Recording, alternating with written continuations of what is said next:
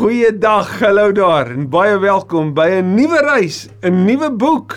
Dit sluit so aan by die vorige boek waar ons mee besig was met 1 Petrus en vandag skop ons af met 2 Petrus. Hierdie laaste brief van Petrus, ons kom agter dat dit ook in die laaste tyd van sy lewe is. As jy in die doodsnikke van jou lewe leef, is dit wat jy wil deel natuurlik, dit wat die naas aan jou hart is. Ons sien dit ook wanneer Paulus dit die 2 Timoteus brief skryf vir sy kosbare vriend. Is daar 'n dringendheid, maar daar's belangrike beelde. Daar's ook dit wat reflekteer op sy eie lewe wel. Ons sien iets daarvan ook in die 2 Petrus brief. Hierdie brief van drie kort hoofstukke het soveel in. So van harte welkom by hierdie reis. As jy dalk vir die eerste keer by ons inskakel, miskien het jy gaan gaan nalees oor oor 2 Petrus of as jy besig daarmee met jou eie studiestuk of dalk as jy besig om preek te bou. Ons wil vir jou sê van harte welkom. Onthou hierdie notas hier voor my sluit 'n klomp voetnotas in en ek wil dit so graag ook vir jou beskikbaar stel. As jy dit sou wou hê, stuur net my e-pos en ek stuur dit graag vir jou. Maak jou deel van ons verspreidingslys.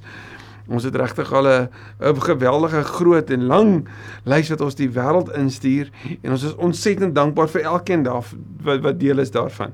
Dankie ook vir julle terugvoer hieroor. Dit motiveer ons weer om te doen wat ons doen. 2 Petrus is is Petrus se se afskeidswoorde as dit ware. Is hy dringendheid. Dit is 'n bevestiging van waarmee hy besig wil wees. As jy in die doodsnikke van jou lewe sou wees. Jy het gehoor die einde is naby. Wat sou jy vir jou mense wou nalat? Wat sou jy vir jou gemeenskap wou nalat? As jy nou dink op vandag se in vandag se wêreld, hierdie wêreld van uiterstes. Wat sou jy wou sê dis dit waarop jy moet fokus? Kom ons bid dat die Here ons ook sal help om te fokus op dit wat Petrus vir ons neergepen het, dit wat in God se woord vir ons neergeskryf is. Dat ons ook die dringendheid daarvan sal hoor, maar dat ons ook die toepassing daarvan vir ons ons eie sal maak en ek dink dis die belangrike wat ons ook hierin gaan leer. Petrus wat kom sê maar jy moet dit jou eie maak. Anders bly dit maar net daar buite. Kom ons bid saam. Ons liewe Here, ons ons heilige Here. Ons ewige Here. Here van waarheid en van lewe. Here van herskepping en herstel. Here van vergifnis en vryspraak en nuwe lewe. Here van inspirasie en aanmoediging, Here van tigting en teregwysing. Here van ewigheid tot ewig. Dankie dat ons vandag U naam kan aanroep. Dankie dat ons ons lewe ondergeskik kan stel voor U woord. Dankie dat ons kan bid dat U asseblief ook nou in hierdie oomblik in ons lewe so duidelik met ons sal praat dat ons U wil U hart ook sal hoor. Ons bid dit in die naam van Jesus ons Here. Amen en amen. 2 Petrus 1 begin net soos wat hy in 1 Petrus 1 begin het deur homself bekend te maak. Hy sê ek is Simon van Simon Petrus. En dit is so mooi dat hy die twee name so langs mekaar sit. Want aan die een kant beskryf hy wat Jesus sê jy sal wees, hierdie rots waarop die kerk gebou sal wees. Maar die Hebreëse naam en in die Hebreëus, die Hebreëse weergawe van die Griekse Simon is Simeon wat waarskynlik ook dui op 'n teken, nê? Nee? Maar van Simon Petrus gaan kyk bietjie ook na Handelinge 15:14 by daai vergadering in Jerusalem. Is waarskynlik hoe hulle hom sou aanspreek, is Simeon. Van Simon Petrus en hoor hoe beskryf hy homself? 'n Dienaar. Is altyd Petrus se ingesteldheid ook in hierdie twee briewe wat ons van hom raak lees dat hy sê maar ek is 'n dienaar, 'n doelos, 'n dienskneg.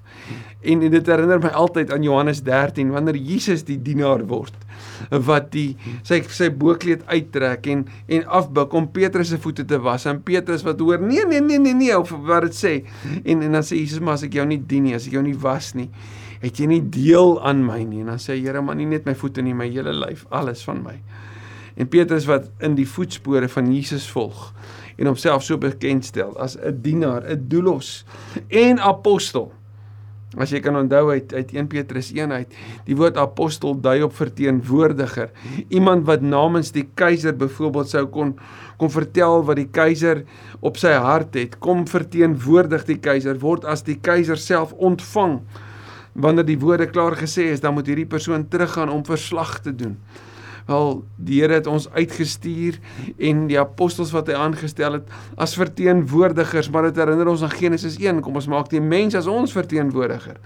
En as hy sê hy's 'n apostel van Jesus Christus, 'n verteenwoordiger van Jesus Christus, staan daar natuurlik gesag of is daar natuurlik gesag agter dit wat hy sê? Maar ook is die apostels geken as die leiers van die kerk van daai tyd. So die gelowiges sou hoor, hoorie maar hierdie is 'n baie spesifieke spesiale brief en die outeur van die persoon hier agter is Petrus die apostel. Die apostel van Jesus Christus. Die redder, die verlosser Jesus Christus en dan aan die. Vir wie skryf hy? Aan die wat deur die regverdige beskikking van ons God en verlosser Jesus Christus dieselfde kosbare geloof as ons ontvang het. Daar's 'n magdom van betekenis in hierdie paar woorde. Paulus, ag Petrus sê eerstens, hulle wat dit ontvang het, so jy kan dit nie verdien nie. Wat het julle ontvang? Wel die kosbare geloof. Hierdie geloof wat so waardevol is. Maar waaruit in waarin is hierdie geloof gesetel? In God en verlosser. Hy het ons vrygemaak, vrygekoop. Jesus Christus. Die regverdige beskikking waar regverdig is om reg weet die kaiosonei om in right standing met God te wees om die verhouding te herstel. Die Here wat die regverdige is wat die regverdige prys betaal die regverdige vir die onregverdiges om hulle geregverdig te maak. Ons het die beskikking van God. God wat lank vooruit besluit het maar hy wil homself deur die mens geken laat word en hy wil die mens ken nê hierdie verhouding aan hulle skryf Petrus dit. En wanneer skryf hy dit? Wel ons gaan nou sien hy skryf dit uit die aan die einde van sy lewe in die doodsnikke. So die datering is enigiets van 64 tot so 768 na Christus wanneer die vervolging al uitgebreek het. Hy skryf dit vanuit Rome, waarskynlik vanuit gevangenskap. Hy skryf aan hierdie gelowiges wat deur die regverdige beskikking van God dieselfde kosbare geloof ontvang het. Mag daar vir julle genade en vrede in oorvloed wees. Hierdie twee belangrike woorde.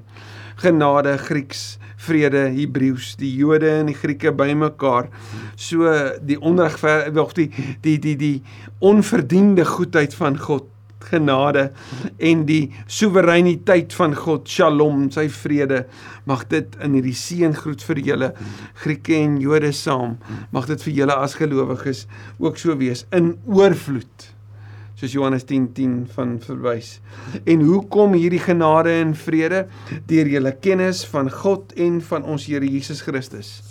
En hierdie woord ken, gaan ek en jy sien, is baie meer as net om van te weet. Dis om innig naby te wees. Maar hier is die belangrike, Petrus se punt is, onthou, hierdie genade en vrede wat in oorvloed is, gebeur in julle kennis van God. So Petrus se se punt sal wees dat jy sal groei ook in dit wat jy van die evangelie weet, wat jy van God weet, dat jy God sal ken en deur hom geken sal word. Vers 3: Sy goddelike krag het ons alles geskenk wat ons nodig het om te lewe en hom te dien. Die Here is die oorsprong Die Here is die een wat dit klaar maak en tussenin is die Here wat vir ons alles reeds gegee het. Filippense 1:6 sê Paulus ek is veral daarvan oortuig wat hy dit wat dit begin het dit sal klaar maak. Romeine 1:16 Die evangelie is die krag tot redding vir elkeen wat glo. Jy red nie jouself nie, dit gebeur met jou. Hierdie is krag, goddelike krag krag wat Efesiërs vir ons kom sê Johannes hoofstuk 3 dieselfde krag wat Christus uit die dood uit opgewek het is in julle aan die werk nê nee? Paulus sal daar sê ek bid dat julle sal besef dat julle in staat is om ver meer te doen as wat julle bid of dink. Hy gaan dit deur julle doen. Krag, sy goddelike krag het ons alles geskenk wat ons nodig het om te lewe en om hom te dien. As hier staan om te lewe, dan gaan dit natuurlik oor om te lewe tot sy eer. Om met die nuwe lewe wat ons in hom gekry het te vier. Hierdie lewe wat Galasiërs 2 sê ek is gekruisig, maar ek leef nie meer nie, hy leef in my om daai lewe te leef. Dit kom deurdat ons hom ken, sien? Hoe kry ons hierdie goddelike krag? Deur hom te ken en natuurlik sal dit natuurlik beteken dat dit nie gaan oor dat ons meer van hom weet nie, maar dat ons hom ken. Dis verhoudingstaal hierdie. Dit kom deurdat ons hom ken, hom wat ons geroep het deur sy heerlike mag en eerlikheid en mag. Geroep om in verhouding te staan. Geroep om hom te ken. Mag dit in ons lewe so teenwoordig wees. Hy het dit alles vir ons gegee en dit begin deur ons verhouding met hom. Vers 4: Deur dit te doen, dis deur om hom te ken en en om te groei daarin, nê? Nee, as ons deur dit te doen, het hy ons die kosbare en allergrootste gawe geskenk wat hy beloof het. En wat sal hierdie groot gawe wees? Natuurlik is dit die gawe van verlossing, die gawe van geloof, die gawe van die ewige lewe, die gawe van sy teenwoordigheid, die gawe van die Heilige Gees wat in ons lewe is. Daardeur kan jy die verderf ontvlug wat deur begeerlikheid in die wêreld waaksaam is en deel kry aan die goddelike natuur. Die goddelike natuur is wanneer die Here wat so in my lewe kom leef 2 Korintiërs 5:17 wat sê ek is 'n nuwe mens. Wanneer die Here wat so in my lewe kom leef ook sigbaar word in die dade wat ek leef. So hy kom verander my nie net van binne nie, Romeine 12 wat sou sê jou denke moet vernuwe, maar hy kom verander ook my nuwe lewe, soos wat Efesiërs sou praat en Kolossense sou praat van die verskil van die ou en die nuwe lewe, Galasiërs 5 wat ook dit kom wys. Daar's 'n nuwe lewe wat na vore kom wanneer hy in my is. Hy het dit alles vir my geskenk sodat dit nie kan word. En hoekom is dit belangrik dat daar 'n eenheid is tussen die mens wie ek binne is en die mens wie ek na buite toe leef? Want die Bybel het nie 'n onderskeid tussen wat ons sou sê geestelik en vleeslik nie. Dis een. Ek kan nie iets binne wees en buite iets anders leef nie. Want dis wat die gnostiese denke in Paulus se tyd geleer het. In Petrus se tyd geleer het. Die die gnostiese denke het gesê man Daar's 'n onderskeid tussen jou geestelike en jou vleeslike. En solank jy in jou geestelike en dit verwys natuurlik na jou kennis, kenosis is is is kennis, nê? Nee?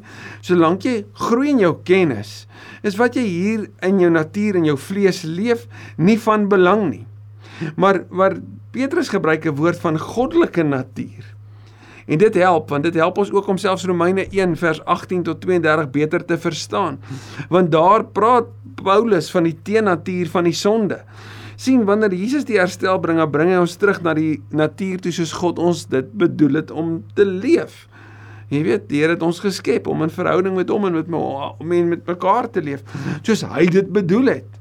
Nie soos wat die die sonde dit verdraai het en ons letterlik teen die natuur van hoe ons geskep is ons laat laat optree en teen dit laat laat laat met mekaar ehm um, weet so met mekaar gehandel het dat dit verbrokkeling van verhoudings en die breek van die natuur en al die dinge wat Romeine 1 so intens beskryf. En op ander plekke sien ons dit natuurlik ook in die Nuwe Testament dat dit tot gevolg geraak het nie. So hier kom terug na die goddelike natuur toe. Dis wat wat hy ons bedoel het en as die goddelike natuur in ons lewe na vore kom, sal ons die begeerlikhede van hierdie wêreld kan weerstaan. Ons ons Jesus kan sigbaar maak ook in ons dade. Hierdie Here wat vir ons alles geskenk het. En ons sien hierdie gawes wat hy vir ons gegee het. Romeine 12, 1 Korintiërs 12, Efesiërs 4 en natuurlik 1 Petrus 4. En juis om hierdie rede moet julle alles in die stryd werp. Anders gesê, julle moet julle alles gee. Nou nou kyk net mooi wat wat beskryf Petrus. Julle het alles gekry, nou moet julle daaruit leef. Dis nie 'n ding van die Here het gedoen en nou is dit klaar nie. Nee. Dis ons laat die Here toe om deur ons lewe in dit wat ons alles ons aan toewy, ons alles gee in die stryd werp dat die Here daardeur verheerlik word en dat sy krag daarin sigbaar word. Dis nie 'n let go and let God nie. Anders sou jy sê let God and get going, né? Nee? Nee nee nee. Hierdie is baie meer as dit. Hierdie is 'n die Here het my nuwe krag gegee. Die Here is in my lewe en nou wil die Here saam met my en deur my nuwe dinge in hierdie wêreld doen. Hoor jy dit? So ek is nie apaties nie. Ek is nie een wat net terugsit en nou doen die Here alles nie, maar ek is ook nie onafhanklik nie dat ek alles doen en en los van die Here staan nie. Nee, dis 'n interafhanklikheid. Dis die Here in my en die Here deur my en ek wil laat hom toe.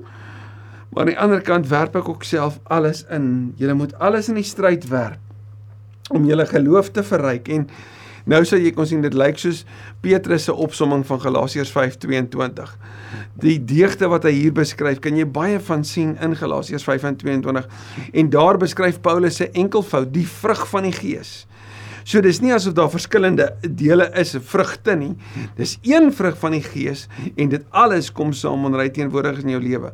Nou kyk die lys van deugde wat wat Petrus hier beskryf. Om juis in hierdie rede moet julle alles in die stryd werp om julle geloof te verryk met deegsaamheid. Deegsaamheid kan beskryf word as uitnemendheid. En uitnemendheid herinner my weer aan 2 Timoteus wanneer Paulus aan hoofstuk 2 van Timoteus sê maar doen jou bes om as arbeider van die Here sy goedkeuring weg te dra.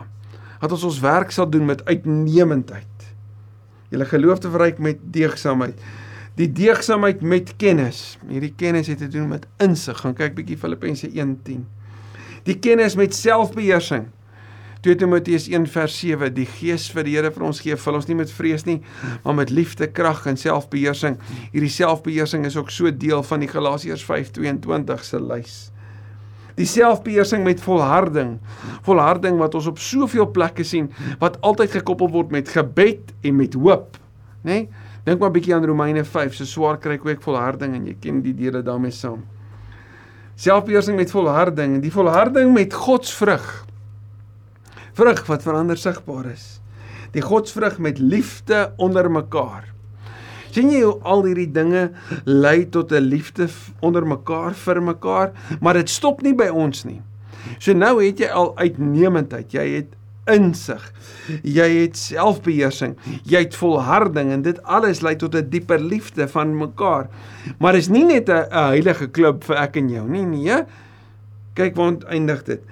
Die godsvrug met liefde onder mekaar en die liefde onder mekaar met liefde vir alle mense. Die liefde onder mekaar is die Grieks adelphos waar ons Philadelphia vandaan kry. Ag dit is Philadelphia wat wat Phileo Adelphos is, liefde vir die broers, nê, nee, liefde onder mekaar, broederlike liefde. Maar dan ook loop dit uit in agape. Hierdie liefde verander, hierdie deernis verander. Dis die uitvloei daarvan. Waarop kom dit neer?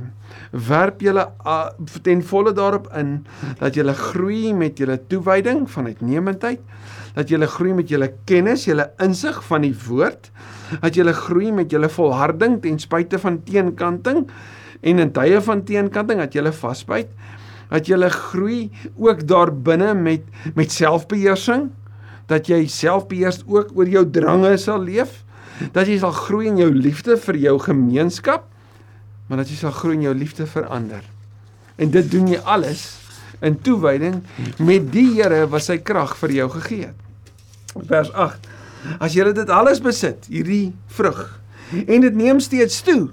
Soos Kolossense 3 vers 10 sê, ons word al hoe meer vernuwe. Dit is 'n 'n groeiende gebeurtenis. Dis nie 'n een eenmalige en dit stop nie. Hierdie neem steeds toe. Sal julle met ywer en met vrug ons Here Jesus Christus beter leer ken. Weet julle wat sê hierdie vir my? Werk aan jou verhouding met die Here en jy gaan sien hoe die vrug daarvan in jou lewe sigbaar word. Hoe werk ek aan my verhouding met die Here met al die dinge wat hy vir ons beskryf het. Dit het begin deur die krag van die Here. En wat is die uiteinde hiervan? Die dieper kennis van die Here. Hy wat dit alles vir ons gee, dra ons en gee vir ons die krag deur die hele proses. En uiteindelik het ons 'n dieper verstaan van sy hart, van wie hy is. Daar staan ons leer hom beter ken. En hierdie is 'n baie belangrike ding. Want wat hierdie vir jou en my beskryf, wat Petrus hier kom sê is nie dat ons meer kennis van die Bybel sal hê nie, maar dat ons meer kennis van God self sal hê. Dat ons hom sal ken. Vers 9: Iemand wat hierdie dinge nie sy eie gemaak het nie, so iemand vir wie dit op 'n afstand staan, so jy het dit nie gevat met jou hart en met jou wese nie. Iemand wat dit nie sy eie gemaak het nie, is kortsigtig. Nog erger, hy is blind en hy vergeet dat hy van sy vroeë sondes gereinig is. Ons lees hierdie dalk vinnig, maar Petrus gebruik twee beelde en tussenin is hierdie woord blind. Kortsigtig is om jou oë te sluit vir wat hier voor is. Anders gesê, om jou oë te sluit vir wat in die toekoms sal gebeur. Iemand wat nie hierdie sy eie gemaak het nie. Iemand wat nie gesê het my maar maar hierdie waarheid van Christus, die verlossing, die nuwe lewe, die krag van God wat binne in my is. Kies nog. Hierdie krag wat my lei tot 'n volharding en dieper lewe en meer insig en meer kennis en meer selfbeheersing en meer liefde. Dit alles het hy nie sy eie gemaak nie. Maak dit ek anders kyk na die toekoms as wat 'n gelowige sou Maar aan die ander kant van hierdie blindheid wat wat Petrus beskryf, is die hy het vergeet. So dis iemand wat nie na die toekoms kyk nie en is iemand wat ook nie na die verlede kyk nie. Daarom word sy huidige situasie as blind beskou. Petrus beskryf nie hier 'n ongelowige nie. Hy beskryf hier 'n gelowige wat met toe oë leef. Wat sy oë sluit vir die realiteit van die hoop van die toekoms en van God se verlossing in die verlede. En hoekom is dit belangrik? Want eintlik beskryf dit die toestand van die gelowiges van daai tyd. Jesus het gekom. Hy het die kruis op aan die kruis gesterf. Hy het die prys betaal. Hy het opgestaan uit die dood. Hy het hemel toe gevaar. Daai verlossingsprys is alles in die verlede, dis afgehandel. Jesus is aan die kom. Hy kom weer, né? Nee? Ons weet dit. Ek wil Openbaring 22 se belofte. Amen. Ek kom gou. En tussen sy koms en sy wederkoms is die realiteit nou. En Petrus se woorde, as jy dit nie sien nie, as jy nie daaruit leef nie, kan jy nou al glo jy dit dalk blind wees. En soos 'n blinde mens kortsigtig wees en vergeet van wat gebeur het. Daar staan vergeet dat hy van sy vroeë sondes gereinig is. Gaan lees gerus 1 Johannes 1 vers 8 en 9 daaroor. Daarom broers, moet julle julle des te meer daarop ywer. julle moet julle beste gee, nê? Nee? Om wat? Om deur julle lewe te bewys dat God julle geroep en verkies het. Wat beteken dit? Julle moet daardeur kom bewys dat julle deur julle lewe moet julle kom bewys dat julle anders is. Die woord hiervoor wat Petrus gebruik het in 1 Petrus is die woord hagios, heiliges. En wat is heiliges? Hulle wat eenkant gesit is soos 'n bruid wat wag vir haar bruidegom, eenkant gesit in voorbereiding is. Soos gelowiges, en hy noem kinders dit ook, hagios, heiliges, nê? Nee? Hulle wat aan God behoort. En dis wat uitverkies my so mooi maak.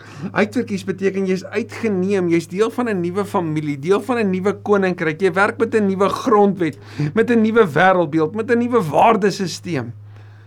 En jy moet dit wys, sê Petrus deur julle lewe. Want 'n nuwe koninkryk het nuwe mense. En nuwe mense doen nuwe dinge. As julle hierdie dinge doen, sal julle nooit struikel nie. Dis die woord gehoorsaam is my so mooi. Ge wat is die voorsetsel maar hoor ons almal moet dit hoor wat die Here sê. Ons moet sy wil hoor, ons moet sy sy woord hoor en ons moet dit saam doen.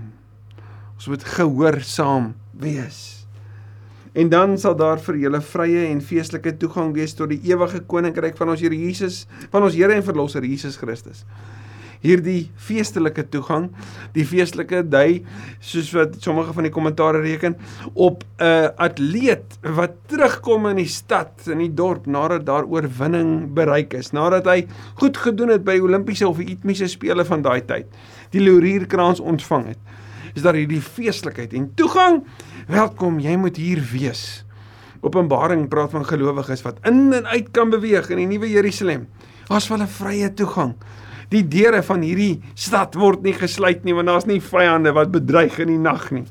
Want die lig skyn die hele tyd. Die lig is God se teenwoordigheid. As ons hierdie dinge doen, sal daar vir ons vrye en geestelike toegang wees tot die ewige koninkryk. As Paulus hieroor skryf in 2 Timoteus 4 dan sê daar's 'n lurierkrans wat vir hom wag. 'n Prys, hy's naby aan die einde. En ek kan so dink hoe Paulus en Petrus mekaar hieraan herinner het. En dan vers 12. Om hierdie rede sal ek julle altyd aan hierdie dinge herinner. Hy sê ek gaan aanhou hiermee. Klink baie soos wat Paulus skryf in Filippense 1 daarvan in vers 20 en 21. Hy sê ek wil so graag by Jesus wees. Dis verreweg die beste.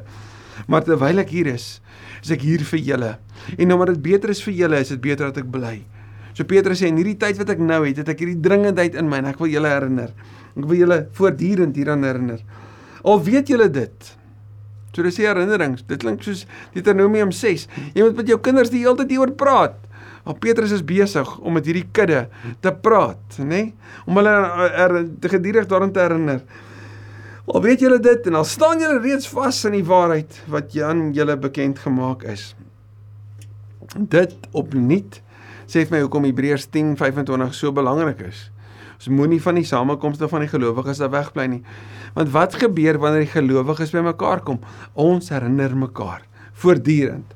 En al glo ons dit en al weet ons dit, het ons nodig om dit te hoor. Het ons nodig om mekaar terug te bring op dit waarmee ons besig is. Vers 13 Ek ag dit immers my plig, my verantwoordelikheid, sal sal die Griek sê, om julle aan te spoor. En die Griek sê om julle to stir you up, om julle aan die gang te kry, aan te spoor deur julle hieraan te herinner solank as ek nog lewe. Terwyl ek nog by julle is. En Petrus het mos gehoor in Johannes 21 wat met hom sal gebeur, dat hy geneem sal word waar hy nie sou wou wees nie, nê? Nee? En terwyl ek die kans het, sê Petrus, moet ek soos wat Jesus vir my gesê het, die kudde oppas. Ek moet hulle versorg, ek moet hulle voed. Ek moet daar wees vir hulle en as herder moet ek dit nou ook doen. Vers 14. Ek weet dat my dood nie meer ver is nie. Hy het waarskynlik dit al gehoor, maar hier hoor ons dit ons Here Jesus Christus sê dit trouens duidelik aan my bekend gemaak. Hoe sou Jesus dit aan hom bekend gemaak het? Wel deur die Heilige Gees, nê? Nee? En en ons lees in Romeine dat daar gepraat word van die Gees van Christus. So daar's hierdie verhouding van Vader, Seun en Heilige Gees en as gelowiges deel ons in daai verhouding. Petrus sê ek weet klaar. En terwyl ek hierdie oomblik het, hoor net mooi hoe ek julle aanspoor. Vers 15. Daarom sal ek my daarvoor beywer. En die Griekse woord vir beywer is is die Griekse woord spoedadzo. Spoedig nê? Nee, dis dis vir ons ons weet ons kan so daaroor dink. Spoed dat so om spoedig julle aan te moedig to make haste to do one's best sal die vertaling daarvan wees. Om my daarvoor te beywer dat julle ook na my heen gaan altyd hierdie dinge sal onthou. En hoe het hy dit gedoen? Deur dit op skrif te stel. En hier's die belangrike en die mooi van die Nuwe Testament. Ons het 'n spoedige evangelie van Markus wat hy waarskynlik by Petrus gekry het. Ons het spoedige briewe wat die wêreld ingegaan het van Paulus, van Petrus, van Johannes, ons het die Hebreërbrief, ons het die Judas brief, ons het Jakobus. Nee, ons het al hierdie briewe wat spoedig uitgegaan het, maar is tekste wat vir ons die waarheid van wat gebeur het op skrif stel. En waarom is dit belangrik dat die tekste wat ons het so naby aan die oorspronklike gebeurtenis is? Wel een dit bevestig wat gebeur het en twee dit help ons om te weet dat wat daar uitgekom het nie telefoontjie is soos wat ek nou die dag gehoor het iemand in die akademie kwyt geraak het nie. Dis nie 'n telefoontjie storie nie. Dis nie iets wat 'n legende geword het en oor jare later 'n ander storie geword het nie. Nee, dis spoedig, dringend, naby aangeteken. En daarom lê is die kredietwaardigheid ook soveel meer en die legitimiteit daarvan soveel meer daar vir jou en my om aan vas te hou en en om uit te leef ook. Ek het dit spoedig gedoen, my beywer dat julle ook na my heen gaan hierdie dinge sal onthou. Petrus sal sê ek het dit oor en oor by julle ingeskerp. Vers 16 Toe ons aan julle die krag van ons Here Jesus Christus en sy wederkoms bekend gemaak het, die krag van sy opstanding, die krag van sy hemelvaart, die krag van redding Romeine 1:16 en die waarheid van die feit dat hy weer kom het ons nie ons het ons ons nie op versinsels of legendes verlaat nie. Sien hierdie is nie 'n mitologie nie, dis nie 'n mythos, 'n legende nie. dis 'n ware gebeurtenis van iemand wat waarlik geleef het en waarlik het dit onlangs gebeur. Dis nie eeue terug nie. Dis soos super onlangs. Nê? Nee? So en en dis mooi. Petrus kom sê dit net weer. Ons is persoonlike getuies daarvan. Nee, ons het met ons eie oë het ons hom in al sy majesteit gesien. Ons is getuies daarvan, ons is die bewys daarvan. Daarom vir jou en my, ons staan op die skouers van hulle wat daar was. Vers 17. Hy het van God die Vader eer en heerlikheid ontvang. En hoe was dit? Toe die Allerhoogste Majesteit gesê het: "Dit is my geliefde seun, oor hom verheug ek my." Wanneer het dit gebeur? Twee keer. By Jesus se doop en by sy verheerliking op die berg. By sy doop het die mense dit gehoor. En by die verheerliking op die berg wel, Petrus was daar, Johannes en Jakobus was daar. Johannes en Jakobus was die twee leiers in die gemeente in Jerusalem. Jakobus was die eerste martelaar wat sy lewe gegee het, Johannes se boetie, vir die evangelie wat gesterf het in die belydenis dat Jesus die Here is. Ons was daar, ons het gehoor, ons het gesien. Jy weet, toe Moses en Elia langs Jesus verskyn het daar in Lukas 9 gaan lees dit gerus. Petrus sê ons was daar. Die stem uit die hemel het ons self gehoor toe ons saam met hom op die heilige berg was. Hierdie berg wat in die Ou Testament 'n simbool was van God se teenwoordigheid en Moses wat die Here daar beleef het, Elia wat hom daar beleef het, Moses die wat staan vir die wet en Elia vir die profete verskyn langs Christus en dan verdwyn hulle weer.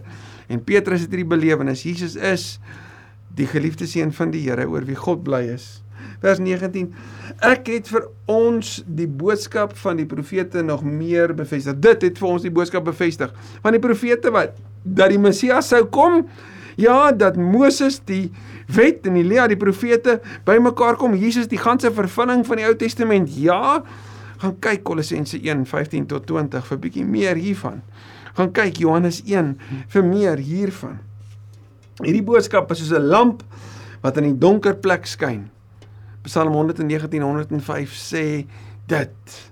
Die woord is die lig wat my die weg wys. Dis die lamp wat my die weg wys, die lig vir my pad. Julle sal goed doen as julle in die lig bly. Maar Jesus mos sê julle is die lig en die sout, nie waar nie? Maar bly in die lig totdat die dag aanbreek en die môrester opkom in julle harte. Die môrester, Numeri 24:17. En en dis so mooi, die beweging van donker na lig is die storie van die Bybel. Die heel eerste hoofstuk begin met dit was aand en dit was môre. Jesus het in die donker gekom om ons na die lig toe te lei. Vers 20. Dit veral moet julle weet, geen profesie in die skrif kan op grond van eie insig reg uitgelê word nie. En hier lei Petrus klaar 'n nuwe tema in wat ons in hoofstuk 2 gaan sien, naamlik valse lering wat uit eie beweging en op grond van eie insig sou sê, ja, maar ek het gehoor en daarom gaan ek dit so sê. Nee, nee, nee, nee enige profesie staan op die rug van die skrif en moet vanuit die skrif bewys word. Jy kan nie lukraakstellings maak oor vandag, oor die toekoms, oor die lewe as dit nie vanuit die woord gebaseer en en daaruit kom nie. As dit nie die lyne van die woord volg en getrou is aan die die die getuienis van die teks nie. Daarom weeg dit. Dit kan nie op grond van eie insig reg uitgelê word nie. Petrus kom sê dis pas op vir valse lering en valse leraars. Want geen profesie is ooit deur die wil van 'n mens voortgebring nie. Wat hoor ons hier agter? God is agter dit in die skrif. Dis die Here wat aan die woord kom vanuit die woord. Nee, deur die Heilige Gees meegevoer deur die mense die woord van God wat van God kom verkondig. Waar los Petrus ons aan die einde van hierdie belangrike hoofstuk? By geloof. Geloof is om God te ken en om deur hom geken te word. Geloof is om te onthou wat Jesus vir my gedoen het, dat ek skoon gewas, nuut gemaak is, dat ek vergewe is. Geloof is om anders te kyk na die toekoms, want ek kyk met hoop en ek kyk met verwagting en ek kyk met sekerheid.